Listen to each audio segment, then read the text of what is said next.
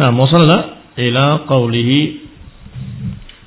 wala yaktawun ay la yas'aluna ghairahum an yakwihim kama la yas'aluna ghairahum an yurqihim istislaman lil qada wa taladdudan bil bala Bismillah walhamdulillah wassalatu wassalamu ala Rasulillah wa ala alihi wa ashabihi wa mawalah amma ba'd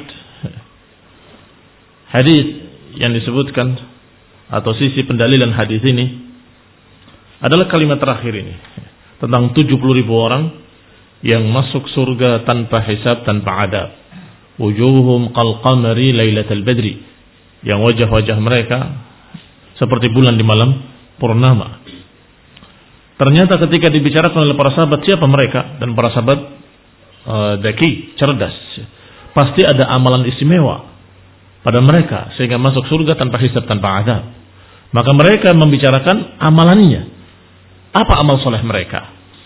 Setelah mereka memperkirakan mungkin karena sohbatan Nabi, menemani Nabi, atau mungkin karena mereka lahir dalam Islam sehingga tidak pernah merasakan zaman-zaman kesyirikan sama sekali. Maka Nabi pun menyatakan, "Humul ladina la yastarqun wa la yaktawun wa la yatatayyarun wa 'ala rabbihim yatawakkalun." Mereka adalah orang yang tidak meminta dirukyah dan tidak memakai pengobatan dengan kai dan tidak menganggap sial pada sesuatu. Wa 'ala rabbihim yatawakkalun dan mereka adalah orang-orang yang bertawakal pada Allah Subhanahu wa taala. Berarti orang-orang yang bertawakal penuh pada Allah sehingga meninggalkan yang makruh-makruh. Yang sudah kita bahas kalimat yaktawun.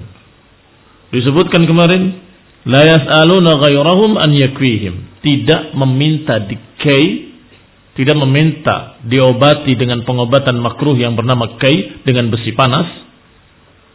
Kama la yas'aluna ghairahum an yurqihim, sebagaimana tidak meminta diruqyah. Istislaman lil. Karena pasrah dengan apa yang Allah takdirkan dan taladzudan bil bala, merasa nikmat dengan beban bencana yang menimpanya.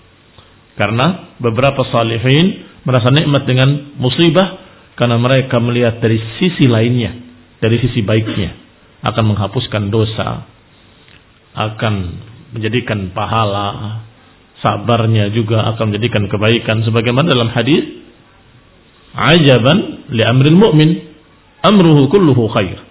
Sungguh menakjubkan keadaan seorang mukmin, keadaannya semuanya baik. Idza asabathu sarraun syakar kalau ditimpa sarra'u syakar bersyukur. Kalau ditimpa dharra sabar. Wa kana khairan lah. Atau sallallahu alaihi wa ala alihi wasallam. Maka ketika mendapatkan kebaikan dia bersyukur, syukurnya baik buat dia. Ketika ditimpa kejelekan, dia sabar. Sabarnya baik buat dia. Maka ketika melihat sisi ini, maka kebaikan-kebaikan yang akan datang kepadanya, maka mereka yataladzad bil bala. Taladzudan bil bala. Tetapi Syekh Abdurrahman Al-Usyair yang meringkas syarah Taisir Al-Aziz Al-Hamid mengomentari. Kultu saya katakan bahir hadisnya kalau kay tidak ada talabul kay atau tidak meminta di kay. Lihat ucapannya.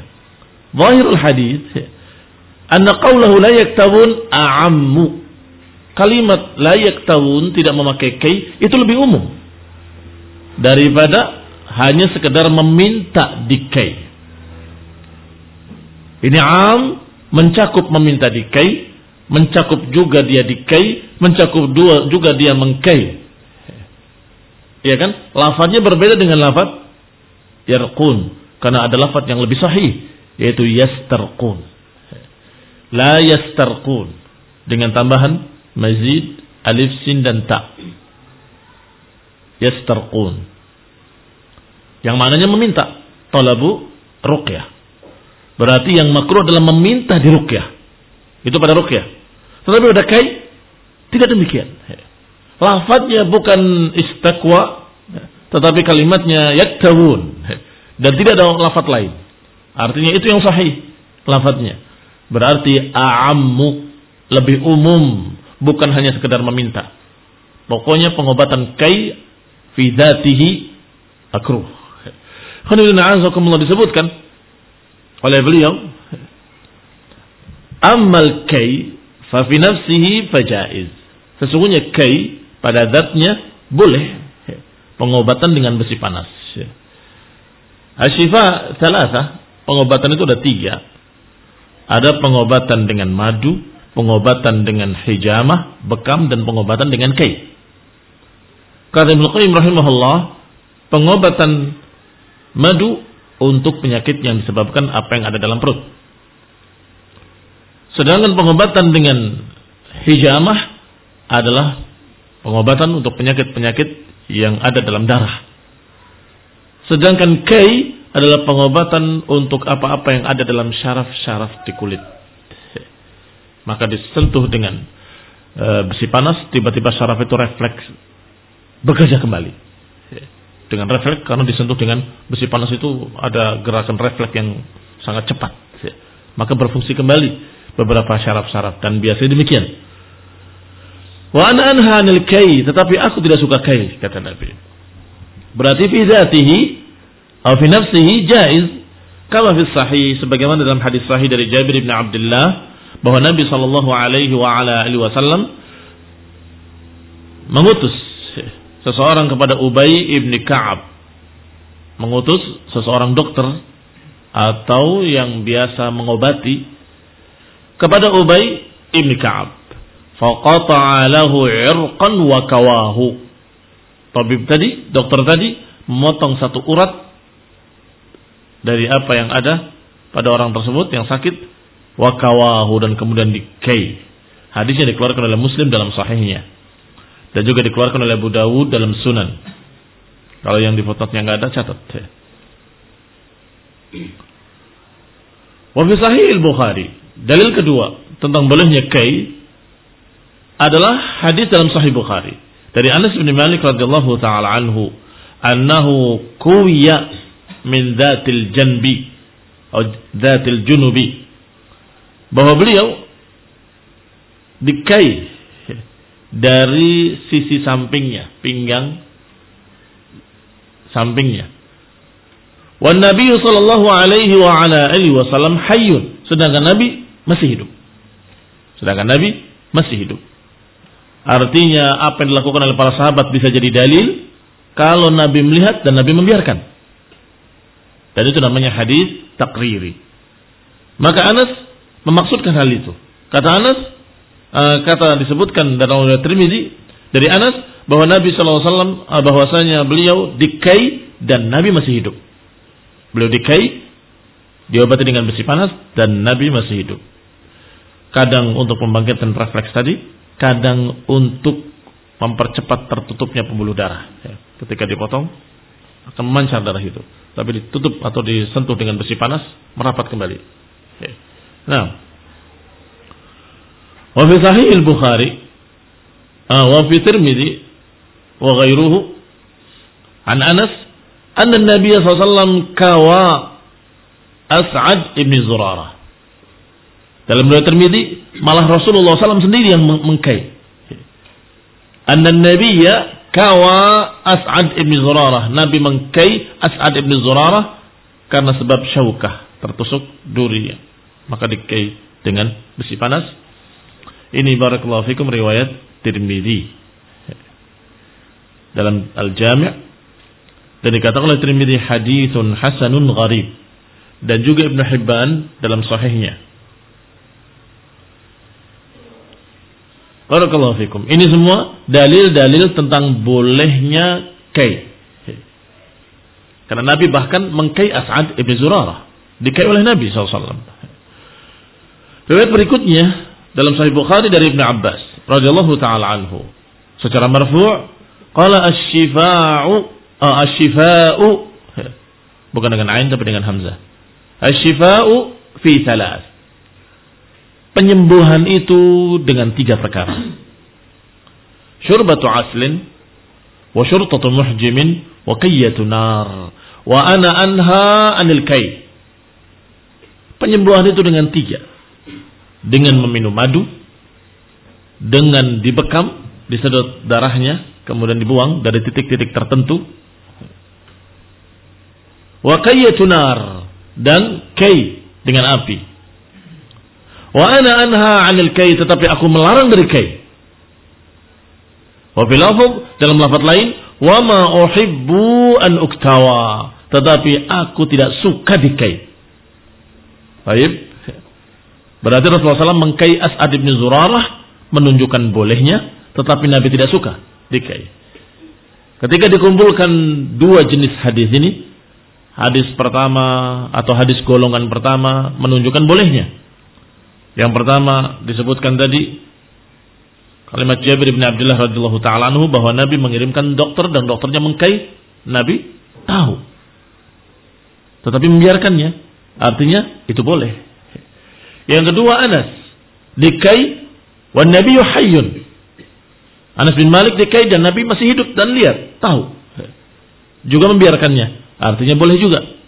Tetapi ketika Nabi menyatakan bahwa penyembuhan itu dengan tiga macam. Dengan meminum madu, dengan bekam, dan dengan kai. Tetapi aku tidak suka kai. Dan sudah dibahas Ibn Qayyim mengomentari bahwa syurbatu aslin kalau penyakitnya berkait dengan masalah pencernaannya. Apa yang ada dalam perutnya.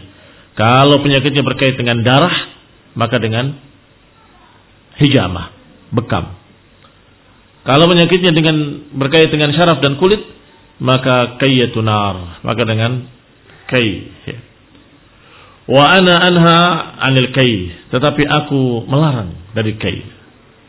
Larangan dan pembolehan kalau ketika dijamak oleh para ulama, maknanya dari satu sisi dia boleh, tapi Nabi tidak suka. Bahkan dalam riwayat ma uhibbu lafadznya. Aku tidak suka kai. Yang juga lafaz dalam Bukhari dan juga Muslim. Berkata Ibnu Qayyim rahimahullah, "Qad tadammanat ahaditsul kai arba'ata anwa'." Kalau dikumpulkan hadis-hadis kai semuanya, maka terkumpul ada empat jenis. Terkumpul ada empat jenis jenis hadis tentang kai. Yang pertama fi'luhu bahwa Nabi mengkai perbuatan Nabi. Jenis kedua ada mumahabbatihi. Nabi tidak suka wa ana anha anil kai atau wama uhibbu an uktawa dan aku tidak suka untuk dikai. Yang ketiga, sana ala man tarakahu, memuji orang yang meninggalkannya. Mana hadisnya? Ah. Yang memuji mana? Kalau dikumpulkan ada hadis yang merupakan perbuatan Nabi, ada hadis yang menyatakan Nabi nggak suka, ada hadis yang Nabi memuji orang yang meninggalkan kain. Hah? Nah, hadis yang bersama kita itu hadis yang memuji orang yang tidak mengkai. La yastarqun wa la wa la yatatayyarun wa ala rabbihim yatawakkalun. Hadis alladhi ma'ana. Hadis al-bab. Hadis al-bab. Sana ala man tarakahu. Ar-rabi jenis keempat an-nahyu anhu. Jenis keempat larangan. Mana larangan? Wa ana anha anil kai. Tapi berarti ada empat jenis hadis. Hadis perbuatan Nabi, hadis Nabi tidak suka, hadis memuji orang yang meninggalkannya, dan hadis yang Nabi melarang. Wala ta'aruda bainaha bihamdillah. Dan empat jenis hadis tentang kai tidak bertentangan. Alhamdulillah. Fa in fa'alahu lahu fa inna fi'lahu lahu yadullu ala jawazih. Adapun perbuatan Nabi mengkai As'ad ibn Zurarah menunjukkan bolehnya. Wa adamu mahabbatihi ketidaksukaannya la yadullu ala al-man'. Ketidaksukaannya tidak menunjukkan haram, tidak menunjukkan larangan. Wa amma sana ala tarikihi adapun pujian beliau pada orang yang meninggalkannya menunjukkan makruhnya kai Fayadullu ala anna tarkahu awla. Menunjukkan kalau meninggalkannya lebih baik. Lebih afdal. Wa amman nahyu. Adapun larangannya. Maka larangannya ala sabil ikhtiyar wal karahah. Larangannya bukan larangan dengan ketegasan. Tapi larangan dengan bentuk karahah. Dalam usul fiqh disebutkan beberapa kaidah-kaidah. Di antaranya ketika ada an-nahyu ternyata inqasim ila qismain. Ternyata terbagi dua. Larangan yang tegas dan larangan yang tidak tegas. Larangan yang tegas haram. Tapi larangan yang tidak tegas maknanya adalah sebaiknya jangan. Kalimatnya nah. Nah. Sebagaimana ucapan Rasulullah SAW tentang bawang putih menyatakan ta'amul khabith, makanan yang busuk. Siapa yang makan e, buah ini jangan dekati masjidku ini. Para sahabat mengira haram. Hurrimat hurrimat. Diharamkan diharamkan. Maka Nabi mendengar mereka mengharam, mengatakan haram. La, aku tidak mengharamkannya kata Nabi. Berarti apa maknanya? Maknanya makruh. Nah. Sebagaimana perintah juga demikian. Ada perintah yang dengan tegas, ada perintah dengan anjuran. Sama-sama fi'ilnya fi'il amr. Qala la ta'arud bainaha alhamdulillah karena larangan tadi ala sabilil ikhtiyar. Larangan tadi hanyalah sabilil ikhtiyar wal karahah. Wa qawluhu wala yatatayyarun. Sekarang yang ketiga yaitu kalimat wala yatatayyarun. Apa tatayyur? Ay la yatasha'amuna bituyuri wa nahwiha. Maknanya jangan menganggap ada kesialan dengan burung-burung dan sejenisnya. Dan maknanya sudah meluas Maknanya sudah meluas. Tidak hanya dengan burung, dengan apa saja tidak boleh menganggap sial. Tidak boleh kalau angka 13 berarti sial. Berarti menganggap sial dengan angka. Jangan bulan sofar, bulan sofar itu tempat sial atau bulan sial. Itu berarti ya tatayyar bisyahr, bisyahri sofar. Mereka masih sampai sekarang masih ada keyakinan-keyakinan itu. Keyakinan jahiliyah. Pada Nabi sudah menafikannya. La gaul wala safar nggak ada gaul, nggak ada safar.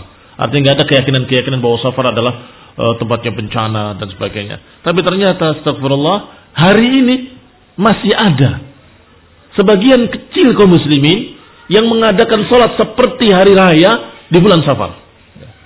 Mereka ke lapangan semua, sholat semua. Ditanya sama teman yang melihat, ini sholat apa kalian? Ada hari raya apa? Oh bukan hari raya, kami sholat tolak bala. Karena ini bulan safar, bulan bencana kata mereka. Hadza tatayyur. Ini namanya tatayyur. Berarti kalimat tatayyur walaupun asal katanya dari tayur tetapi maknanya bukan burung saja. Apalagi keburungan. Sebagaimana dalam terjemahan Hisnul Muslim dalam cetakan tertentu disebutkan di sana doa keburungan. Allahumma la ta'ira illa tayruk wa la ilaha ghairuk La tayra ila tayruk. Diterjemahkan tidak ada burung kecuali burung. La ilaha ghairuk dan tidak ada ilah kecuali dia. Astagfirullah. Ishada. Jauh sekali. Dia mengerti bahasa Arab tapi nggak mengerti akidah. Penterjemahnya berarti ngerti bahasa Arab sedikit toir merah burung, tetapi nggak mengerti kalau ini masalahnya berkait dengan akidah, dengan tair, bahwa tidak ada kesialan kecuali apa yang Allah takdirkan. La tayra illa tayru. Itu maknanya. Maka ikhwan bin hati-hati. Jangan gegabah dan jangan ta'ajul dalam tasaddur.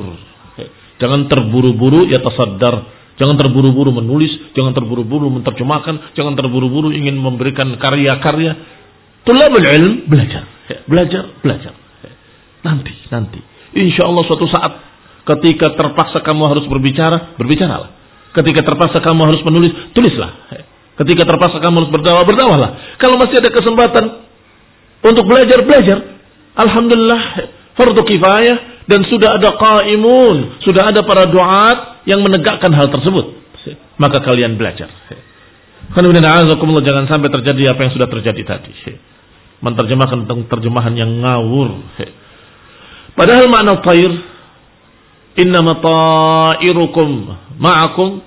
Maknanya kesialan itu adalah tergantung sebab perbuatan kalian. Innama ta'irukum indallah. Dalam Al-Quran ada dua. Ada lafaz yang menunjukkan ta'irukum ma'akum. Ada lafaz yang menyatakan ta'irukum indallah. Kelihatannya bertentangan. Katanya kita yang menentukan kesialan. Tapi di sini Allah yang menentukan kesialan. Berbeda maknanya, berbeda tafsirnya. Ketika berbicara ta'irukum indallah, Artinya kesialan itu ditakdirkan oleh Allah Subhanahu wa taala enggak karena angkanya 13, bukan karena bulannya Safar, bukan karena ini, bukan karena itu, bukan karena kupu-kupu datang, bukan karena burung gagak menjerit di atap rumah berarti terjadi kesialan, enggak sama sekali. Semua dengan qada wal qadar dari Allah Subhanahu wa taala. Tapi ketika ta'irukum ma'akum, maknanya ketika Allah timpakan musibah pada kalian, itu karena sebab kalian sendiri. Berarti maknanya seperti ayat Bahral fasad fil barri wal bahr bima kasabat aidikum. Muncul kerusakan di daratan dan di lautan karena sebab tangan-tangan kalian sendiri. Artinya sebabnya kalian Allah menakdirkan kejelekan tadi. Allah menakdirkan musibah-musibah. Maka jangan bertanya-tanya siapa sebabnya, apa sebabnya.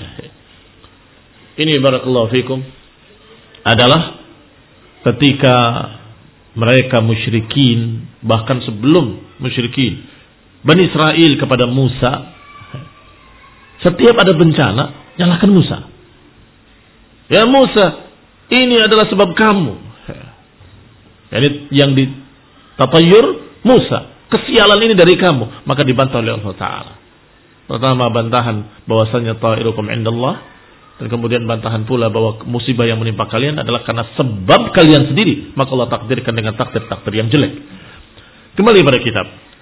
Kalau ayat tatayyarun Yani la yatasha'amuna bituyur. Asal muasalnya menganggap sial itu kenapa disebut dalam bahasa Arab dengan tair yang bermakna burung kadang-kadang karena memang dulu zaman jahiliyah mereka menganggap sial itu dengan melihat burung.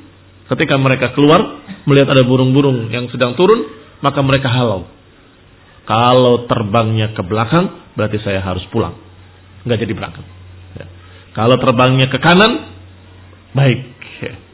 Terbangnya ke depan, didukung kamu berangkat. Terbangnya ke kiri, itu juga alamat ada masalah di jalan.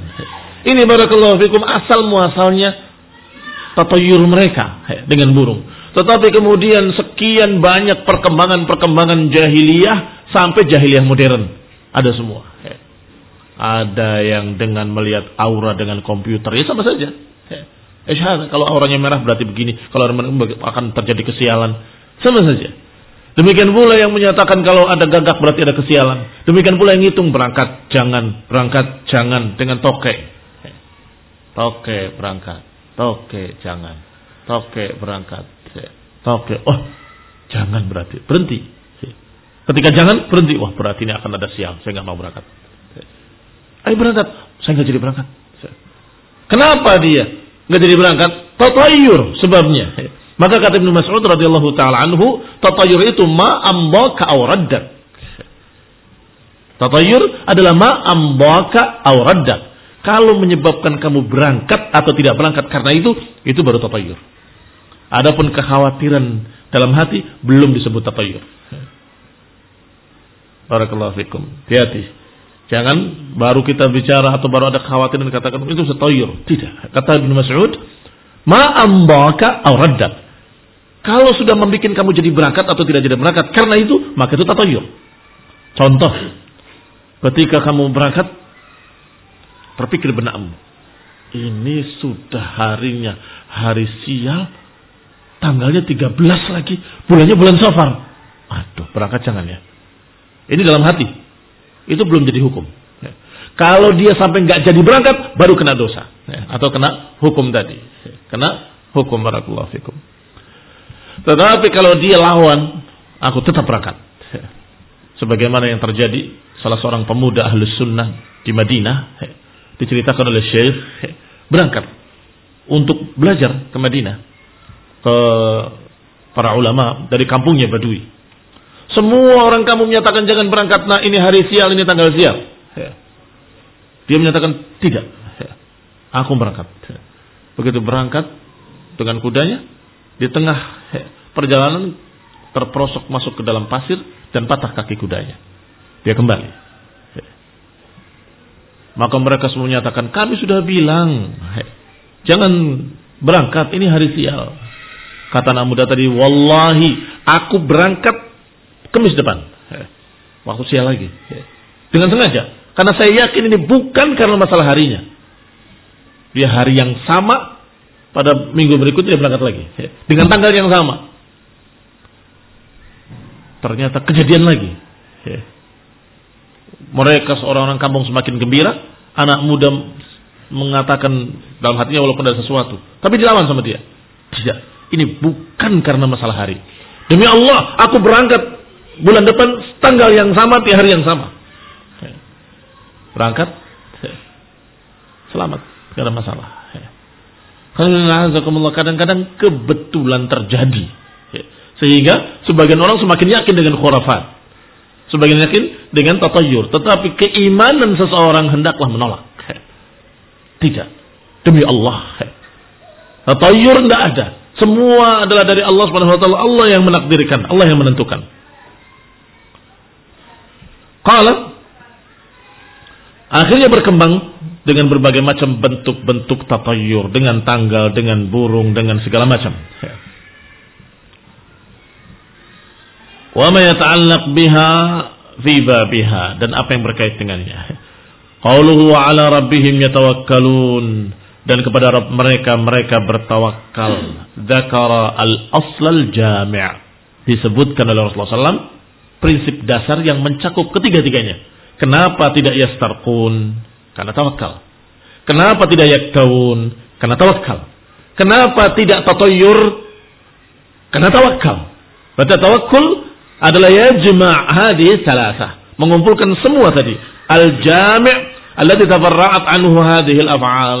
Yang mengumpulkan apa-apa yang bercabang tadi dari perbuatan-perbuatan dan khusal-khusal yang sudah disebutkan. Kenapa dia tidak minta dirukyah? Karena penuh tawakal pada Allah Ta'ala. Kenapa dia tidak mau memakai kai? Karena makruh, karena dia bertawakal pada Allah Ta'ala. Wa huwa Allah. Ini al-jami' al-asl al-jami' yang mengumpulkan semuanya. Wasidqul iltija ilai dan tawakal adalah kejujuran penyandaran diri kepada Allah Subhanahu wa taala. Seperti anak muda anak muda tadi, dia menyandarkan pada Allah 100%. Ya. Dengan yakin ya. Bahwa ini karena Allah dan Allah takdirkan, kalau tidak Allah takdirkan enggak akan terjadi. Walaupun di hari tersebut, walaupun di bulan tersebut yang dianggap sial. Sidqul iltija ilai wal i'timadu bil qalbi alai dan menyandarkan diri kepada Allah Subhanahu wa taala secara penuh. Alladhi nihayatuhu tahqiqut tauhid. Alladhi huwa nihayatu tahqiqut tauhid. Yang ini merupakan puncak tertingginya perwujudan tauhid. Puncak tertinggi praktek tauhid ya seperti ini, tawakal yang penuh. Kullama maqamin syarif yang akan membuahkan kedudukan-kedudukan yang mulia akan membuahkan kedudukan-kedudukan mulia seperti kecintaan, rasa harap kepada Allah, rasa takut pada Allah Taala, keriduan kepada Allah sebagai Rabbnya, sebagai ilahnya, waridha biqada'ih dan ridho dengan keputusan-keputusan takdir Allah Subhanahu wa taala, ridho dengan apa yang Allah takdirkan. Intaha Ya. Naktafi bihadza barakallahu fikum. نواصل إن شاء الله في درس القادم. مع الحفظ. تحفظنا الحديث. نسأل التوفيق والعافية. سبحانك اللهم وبحمدك. أشهد أن لا إله إلا أنت. أستغفرك وأتوب إليك. والسلام عليكم ورحمة الله وبركاته.